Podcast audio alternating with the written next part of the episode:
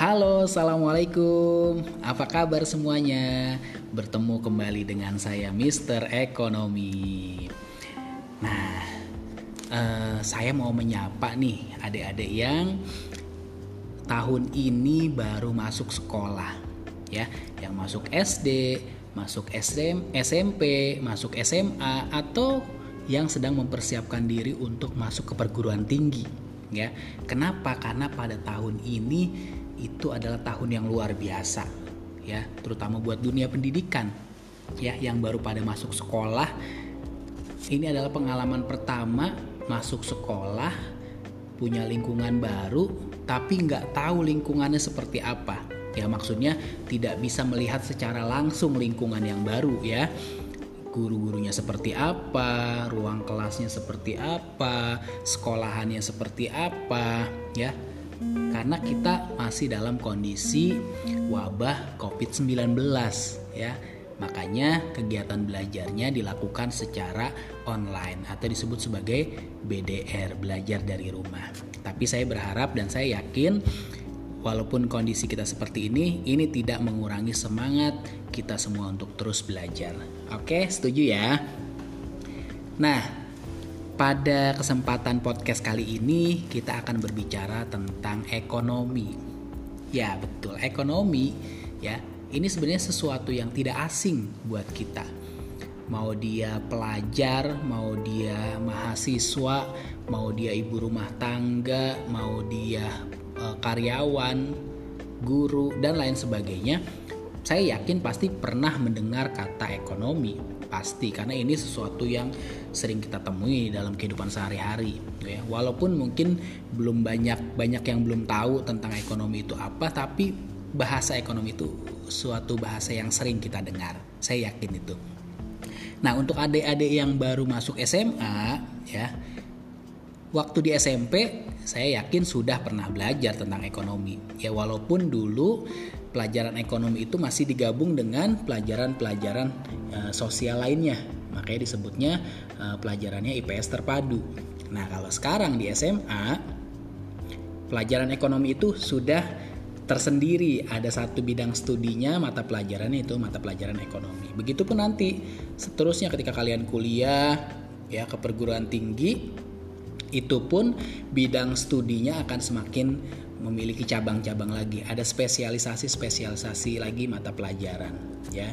Misalnya ekonomi nanti ada lagi manajemennya, ada akuntansinya dan lain sebagainya.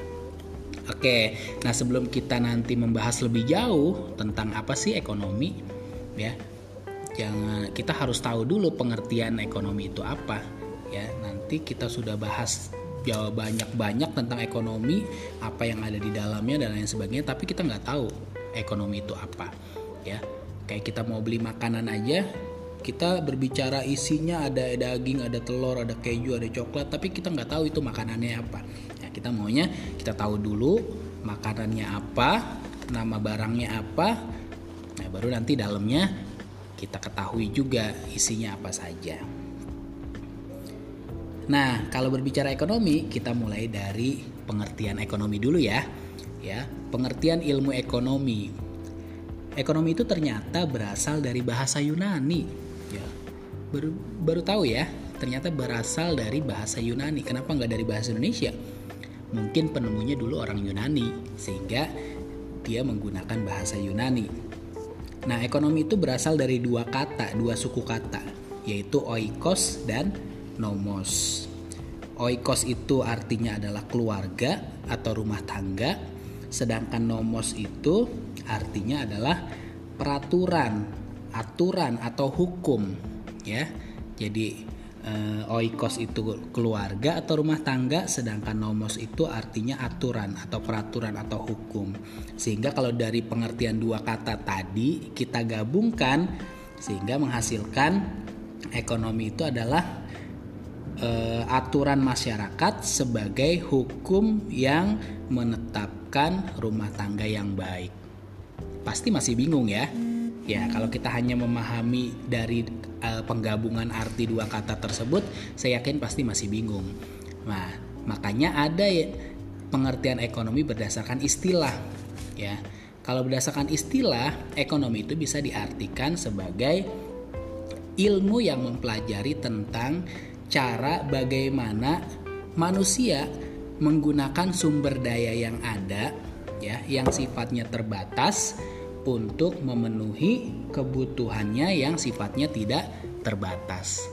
Oke, saya garis bawahi, saya ulang.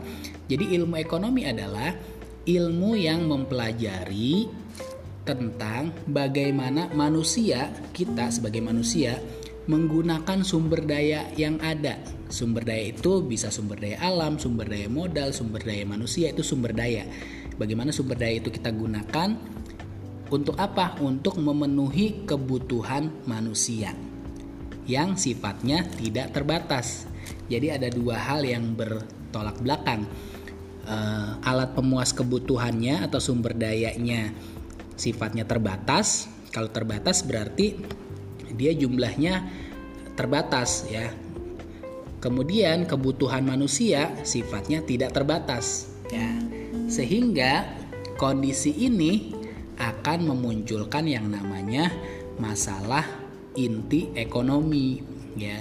Apa masalah inti ekonomi? Masalah inti ekonomi itu adalah kelangkaan atau kita menyebutnya sebagai scarcity ya. Scarcity itu kelangkaan. Apa itu Pak kelangkaan? Uh, muncul lagi bahasa baru scarcity atau kelangkaan. Kalau tadi kita sudah tahu ilmu ekonomi apa, sekarang ternyata dalam ilmu ekonomi itu ada inti masalahnya. Masalah utama dalam ilmu ekonomi itu tentang kelangkaan. Apa itu kelangkaan? Kelangkaan itu adalah kondisi di mana jumlah alat pemuas kebutuhan atau jumlah sumber daya lebih sedikit atau tidak sebanding dengan jumlah kebutuhan yang ada. Jadi sumber dayanya sedikit, kebutuhannya banyak, itu berarti langka. Contoh misalnya eh, kita butuh daging 10 kilo. Ternyata daging yang ada di pasar cuma 5 kilo. Nah, berarti itu adalah kondisi kelangkaan daging.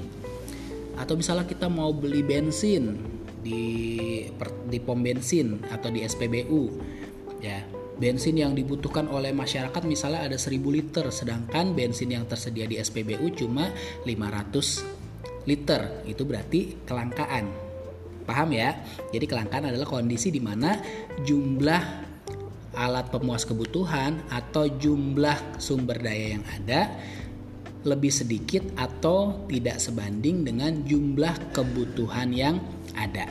Jadi kebutuhannya banyak, alat pemuas kebutuhannya sedikit. Itu namanya kelangkaan. Nah, sekarang yang muncul pertanyaannya adalah kenapa bisa terjadi kelangkaan, Pak? Ayo, ada yang tahu nggak? Kenapa bisa muncul kelangkaan? Nah, setidaknya ada empat faktor yang menyebabkan munculnya kelangkaan. Yang pertama, karena keterbatasan alat pemuas kebutuhan. Ya, jadi yang pertama karena alat pemuas kebutuhannya atau sumber dayanya atau barang dan jasanya memang jumlahnya sedikit sehingga menyebabkan uh, kelangkaan. Misalnya uh, kebutuhan telur 100, telur yang ada uh, cuma 50. Ya, itu berarti keterbatasan alat pemuas kebutuhan. Atau kebutuhan minyak bumi misalnya uh, berapa barel per liter sedangkan kebutuhannya misalnya cuma sedikit. Nah, itu berarti kelangkaan terjadi karena keterbatasan alat pemuas kebutuhan. Jadi jumlah barang dan jasanya sedikit. Faktor yang kedua yang menyebabkan kelangkaan adalah kerusakan sumber daya alam. Jadi sumber daya alamnya yang akan digunakan untuk memenuhi kebutuhan itu rusak. Contoh misal karena bencana alam, ya, banjir, ya, atau penebangan liar, ya sehingga menyebabkan hutan kebakaran sehingga kebutuhan manusia akan kayu atau bahan-bahan yang diperoleh dari hutan jadi berkurang jadi langka. Nah itu namanya karena kerusakan sumber daya alam ya. Sebenarnya kerusakan sumber daya alam itu disebabkan oleh apa sih? Ya salah satunya karena eh, tangan-tangan manusia. Seperti dalam Al-Quran kan seperti itu kan Allah sampaikan bahwa kerusakan di muka bumi ini adalah karena ulah tangan-tangan manusia Makanya kita harus bisa menjaga sumber daya yang ada, bisa menjaga alam ini. Salah apa? Untuk apa? Agar menekan angka kelangkaan, agar sumber daya yang ada bisa memenuhi kebutuhan manusia. Nah, yang ketiga apa? Yang ketiga, faktor yang ketiga karena keterbatasan manusia dalam mengelola sumber daya yang ada. Nah, ini berkaitan dengan skill, keahlian, ilmu pengetahuan, ya. Ke Indonesia kita banyak sumber daya alam. Kekayaan alam kita melimpah. Tapi karena keterbatasan orang yang bisa memproduksi atau orang yang punya keahlian untuk mengolah barang atau sumber daya alam itu menjadi suatu barang yang bernilai sehingga barang mentah atau sumber daya alam itu akhirnya kita ekspor ke luar negeri.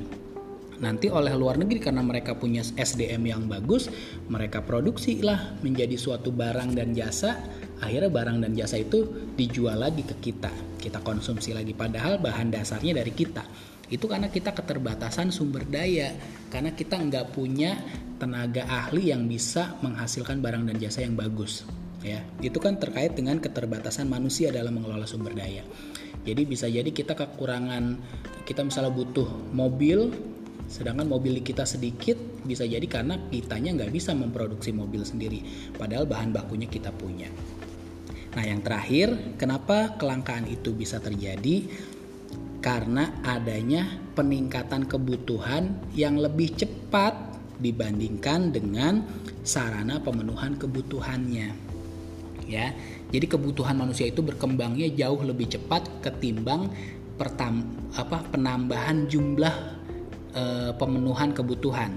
Contohnya misalnya e, di Indonesia misalnya orang yang butuh e, kendaraan atau butuh e, motor misalnya meningkat 100% yang tadinya yang butuh motor cuma 50 orang naik jadi 100 orang. Sedangkan produksi motor ya hanya bisa naik 10% misalnya yang tadinya bisa produksi 50 cuma bisa nambah sampai 60. Nah, itu kan tidak seimbang. Orang yang butuhnya dari 50 orang jadi 100 orang sedangkan motor yang diproduksi tadinya 50 cuma jadi 60. Nah, itu karena tingkat atau peningkatan kebutuhan itu jauh lebih cepat ketimbang penyediaan sarana prasarana kebutuhannya. Ya, jadi itu faktor-faktor yang mempengaruhi kelangkaan. Kenapa kelangkaan bisa terjadi? Karena faktor-faktor itu, ya. Nah, sekarang kan kalian sudah tahu tuh eh, apa itu ilmu ekonomi, ya. Kemudian, oh ternyata dalam ilmu ekonomi itu ada masalah pokoknya, intinya yaitu kelangkaan dan yang menyebab menyebabkan kelangkaan itu apa saja? Tadi ada empat uh, faktor yang menyebabkan kelangkaan. Oke itu ya. Mudah-mudahan bisa dipahami bisa dimengerti. Uh, kalau misalnya masih bingung bisa diputar lagi podcastnya bisa diulang-ulang. Nah jika nanti ada yang tidak paham bisa langsung ditanyakan ya kepada saya. Nah, itu saja mungkin untuk yang podcast kali ini. Nah, nanti kita ketemu lagi di podcast-podcast berikutnya. Terima kasih sudah menyimak podcast uh, Mister Ekonomi pada kali ini. Uh, saya akhiri. Assalamualaikum warahmatullahi wabarakatuh.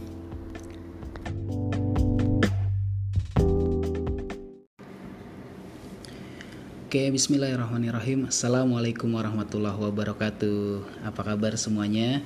anak-anak kelas 12 IIS. Nah, pada kesempatan kali ini kita akan melanjutkan pembahasan kita. Kali ini kita akan bahas tentang neraca saldo. Nah, kalau kita sudah bahas neraca saldo berarti ini sudah tahapan keberapa dalam siklus akuntansi.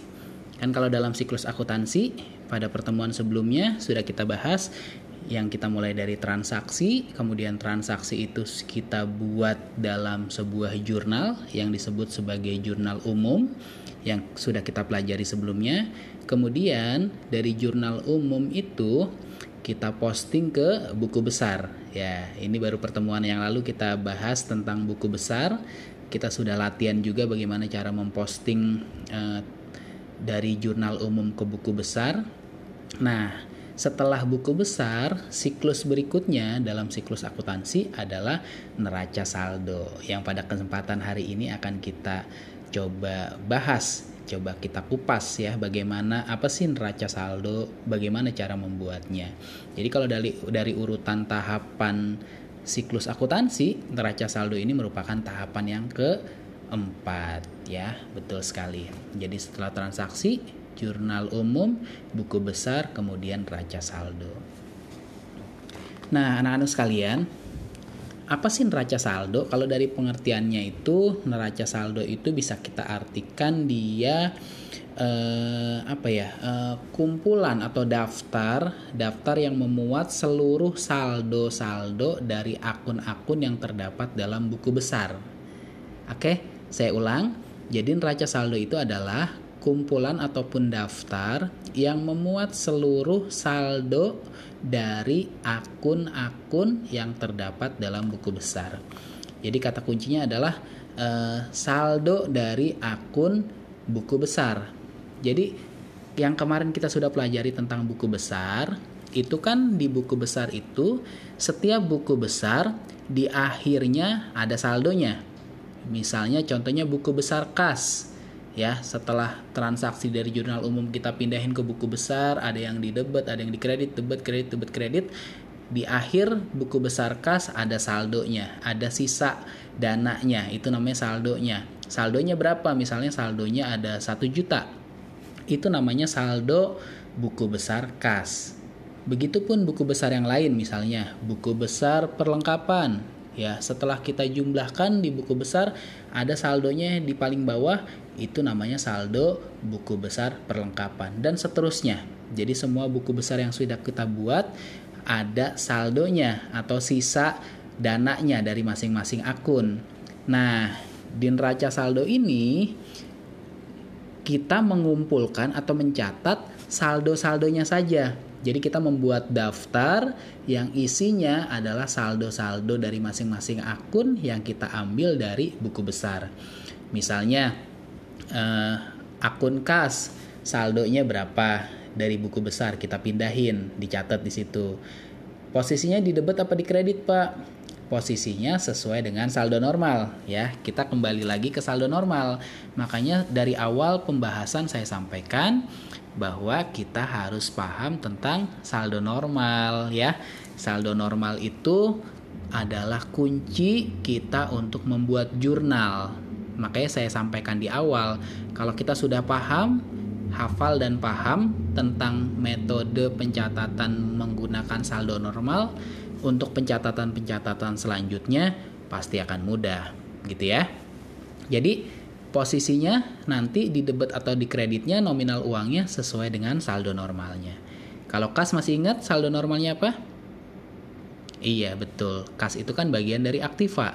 Saldo normal aktiva debit sehingga saldo dari buku besar kas itu nanti di neraca saldo kita taruhnya di posisi debit. Kalau misalnya hutang, saldo normalnya apa?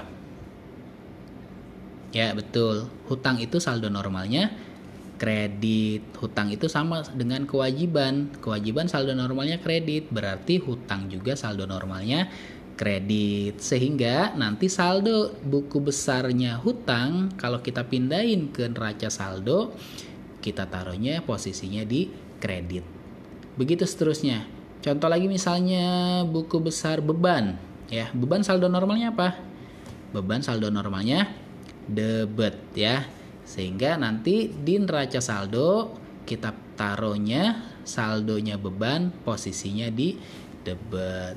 Begitu ya.